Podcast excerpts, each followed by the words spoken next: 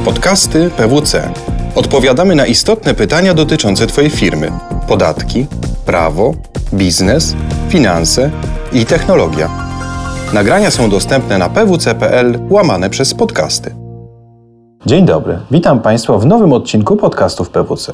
Nazywam się Jakub Gołębiowski i zapraszam Was do odsłuchania audycji, w której zadam trzy ważne pytania związane z odpowiedzialnością karną podmiotów zbiorowych.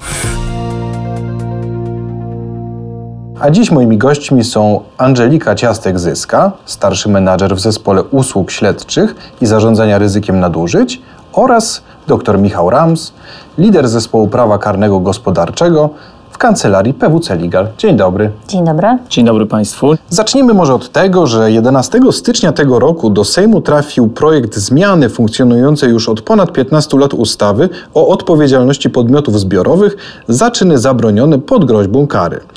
Ten dokument w zamyśle twórców miał wspierać walkę z przestępczością związaną z działalnością przedsiębiorstw, ale ostatecznie jego efektywność okazała się znikoma.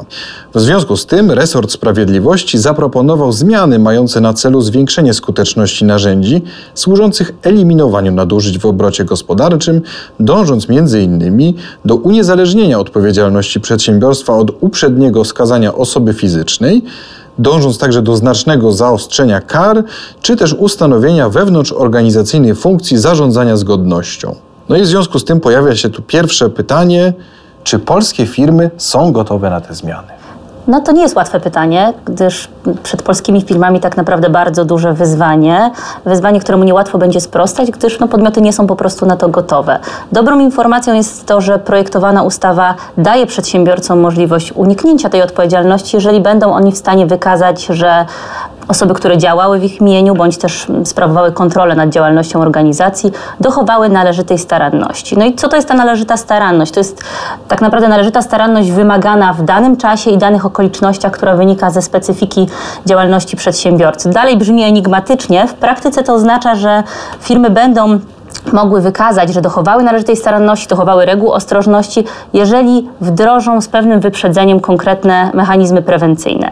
I takim podstawowym mechanizmem prewencyjnym z pewnością jest cyklicznie przeprowadzana analiza ryzyka, która pozwala na zidentyfikowanie obszarów szczególnie narażonych na nadużycia i nieprawidłowości, a w kolejnym kroku wdrożenie adekwatnych środków zaradczych w postaci konkretnych procedur czy, czy kontroli. Ustawa nie precyzuje, o jakie procedury chodzi, natomiast kluczowe jest, aby to były procedury, które dotyczą istotnych elementów, istotnych obszarów działalności przedsiębiorstwa e, i żeby zostały one odpowiednio wdrożone i zakomunikowane e, pracownikom. Należy podkreślić, że regulacje wewnętrzne, które będą istniały tylko na papierze, czyli nie będą odpowiednio wdrożone, tak naprawdę nie pozwolą na, na wykazanie tej należytej staranności.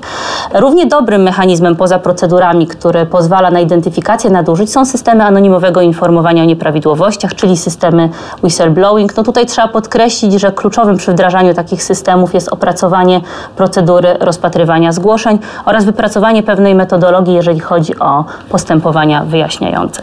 Tak naprawdę, tak jak Angelika zwróciła na to uwagę, ustawa jest dość nieprecyzyjna co, w zakresie tego, co przedsiębiorca powinien zrobić żeby przed taką odpowiedzialnością się zwolnić. Jak spojrzymy na treść tej projektowanej ustawy, to ona wskazuje dwie rzeczy, kiedy przedsiębiorstwo będzie ponosiło odpowiedzialność za działania innych osób. Mówi o braku należytej staranności, ale mówi też o takiej nieprawidłowości w organizacji e, działalności tego podmiotu zbiorowego, która umożliwia popełnienie czynu zabronionego, e, chociaż inna organizacja tej działalności mogłaby zapobiec popełnieniu tego przestępstwa. I tak jak na początku mówiliśmy, jeżeli spojrzymy na treść ustawy, to tam są wymienione takie przykładowe rzeczy, których brak taką odpowiedzialność mógłby powodować. Czyli mówimy tu brak określenia zasad postępowania na wypadek zagrożenia popełnienia czynu zabronionego lub skutków niezachowania reguł ostrożności brak zakresu odpowiedzialności organów podmiotu zbiorowego, komórek organizacyjnych, pracowników, osób do działania w jego imieniu lub interesie, brak komórki compliance'owej, czyli takie działania w sferze korporacyjnej, które przedsiębiorcy powinni podjąć, które przedsiębiorcy powinni wdrożyć skutecznie w swojej organizacji, ale także inne rzeczy, które mogą składać się na brak zachowania należytej staranności, trudne do określenia wydaje mi się w sposób generalny, bo chodzi tu o takie mechanizmy, które in concreto w działalności określonego podmiotu trzeba będzie ustalać. Czyli jeżeli podmiot jest bardzo eksponowany na działania korupcyjne, to mówimy o kodeksie korupcyjnym.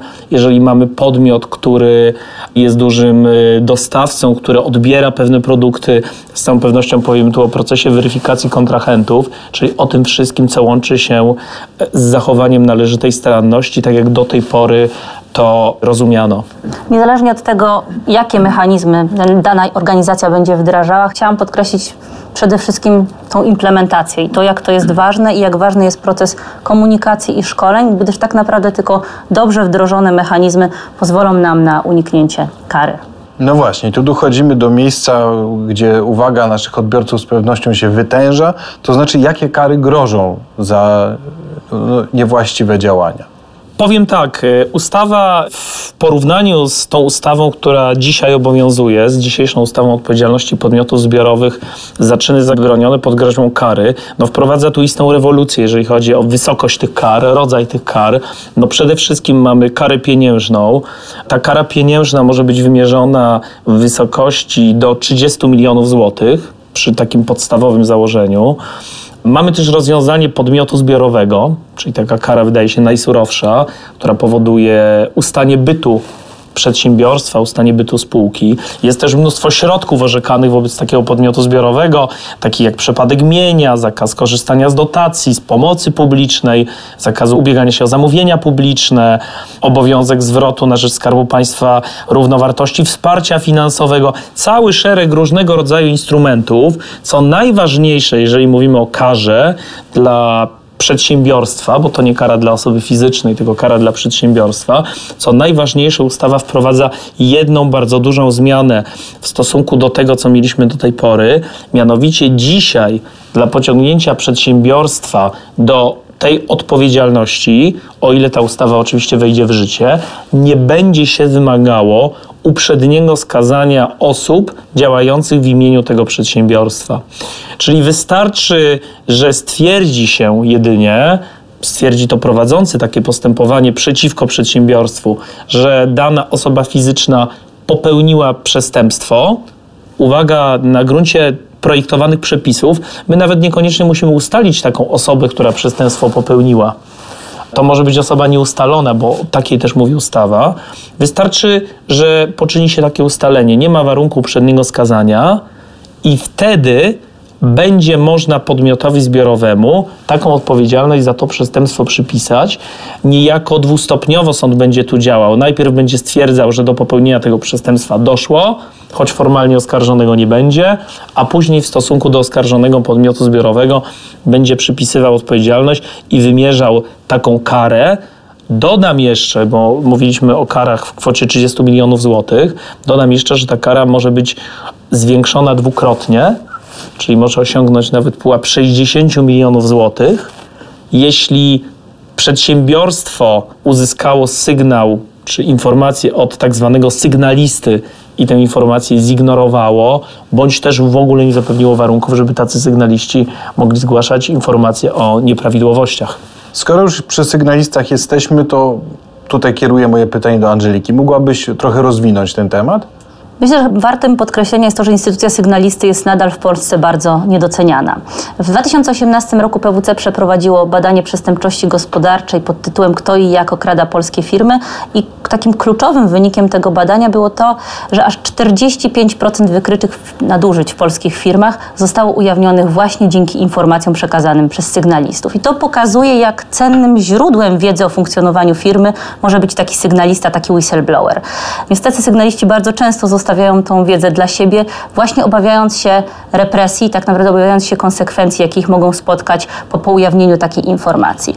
I dotychczasowe regulacje prawne, które mamy w naszym systemie, takie jak chociażby kodeks pracy, no niestety nie stanowią skutecznej ochrony przed takimi potencjalnymi represjami, konsekwencjami dla sygnalisty. I ta nowa projektowana ustawa o odpowiedzialności podmiotów zbiorowych przewiduje, że jeżeli w związku ze zgłoszonymi informacjami dojdzie do naruszenia praw pracowniczych sygnalisty, mówiąc wprost, dojdzie do zwolnienia takiej osoby, to będzie się ona mogła ubiegać o przywrócenie do pracy albo o odszkodowanie Natomiast chyba kluczowe jest, żeby pamiętać, że taki mechanizm ustawowy nie jest wystarczający i warto poza taką ochroną przewidzieć jeszcze pewne mechanizmy zapobiegania represjom wewnątrz firmy. Na pewno dobrym rozwiązaniem są kanały informowania, które są faktycznie anonimowe. Z drugiej strony kluczowe jest, aby każde zgłoszenie rozpatrywane było tylko przez taki zespół osób, który jest do tego dedykowany i odpowiednio przeszkolony. Sygnalista musi mieć przekonanie, że sprawa nie zostanie ujawniona poza ten krąg osób, który jest niezbędny do jej przeanalizowania, a z drugiej strony, że to zgłoszenie w dobrej wierze nie skończy się negatywnymi dla niego konsekwencjami. Dobrym rozwiązaniem wydaje się też odzwierciedlenie tej ochrony dla sygnalistów w regulacjach wewnętrznych i to może być zarówno polityka antyodwetowa, jak i procedura dotycząca rozpatrywania samych zgłoszeń, czy też po prostu kodeks postępowania. Jak widać po tej naszej dyskusji, przed przedsiębiorcami stoi naprawdę wiele wyzwań i to niejednokrotnie skomplikowanych i złożonych tematycznie. E, aby efektywnie i jednocześnie rozsądnie wypełnić projektowane wymogi, należy z odpowiednim wyprzedzeniem, odpowiednim zapasem czasowym zidentyfikować obszary w działalności firmy, które są narażone na ryzyko wystąpienia nieprawidłowości, a następnie wdrożyć mechanizmy prewencyjne, o których tutaj też żeśmy rozmawiali. E, implementowanie dobrze funkcjonujących mechanizmów wiąże się jednak z koniecznością podjęcia odpowiednich środków organizacyjnych, kadrowych, szkoleniowych i technicznych, także działań na bardzo wielu płaszczyznach, mających na celu przeciwdziałanie tworzeniu otoczenia sprzyjającego popełnianiu przestępstw i innych nadużyć. Do tego podsumowania, które bardzo trafnie oddaje to, co nas czeka, jeśli ta ustawa wejdzie w życie, chciałem dodać jeszcze jedno zdanie. Często mówi się o tej projektowanej ustawie, że to takie RODO 2, że nałoży na przedsiębiorców szereg różnego rodzaju obowiązków, konieczność wprowadzenia różnego rodzaju procedur. I myślę, że podobnie jak przy okazji RODO, warto zwrócić tu uwagę na jedną rzecz. Tu nie chodzi o to, żeby zaopatrzyć się w pakiet podstawowy procedur, spisać te procedury, odłożyć je na półkę i zostawić.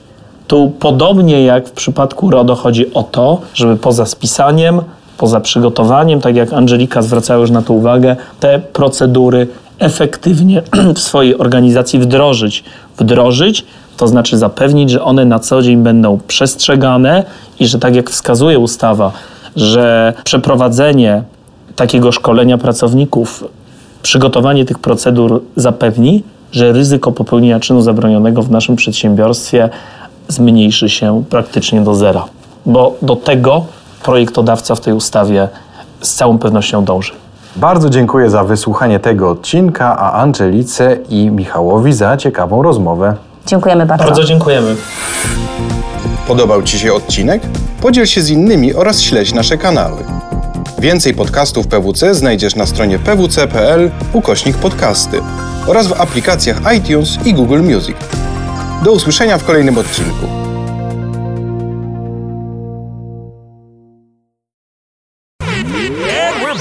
Back. Well, tax season's here, folks, and you know.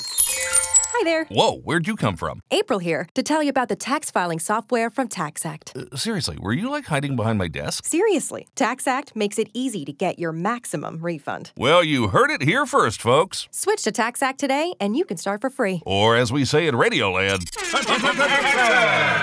Subtle. TaxAct. File for less and get more. See taxact.com for details.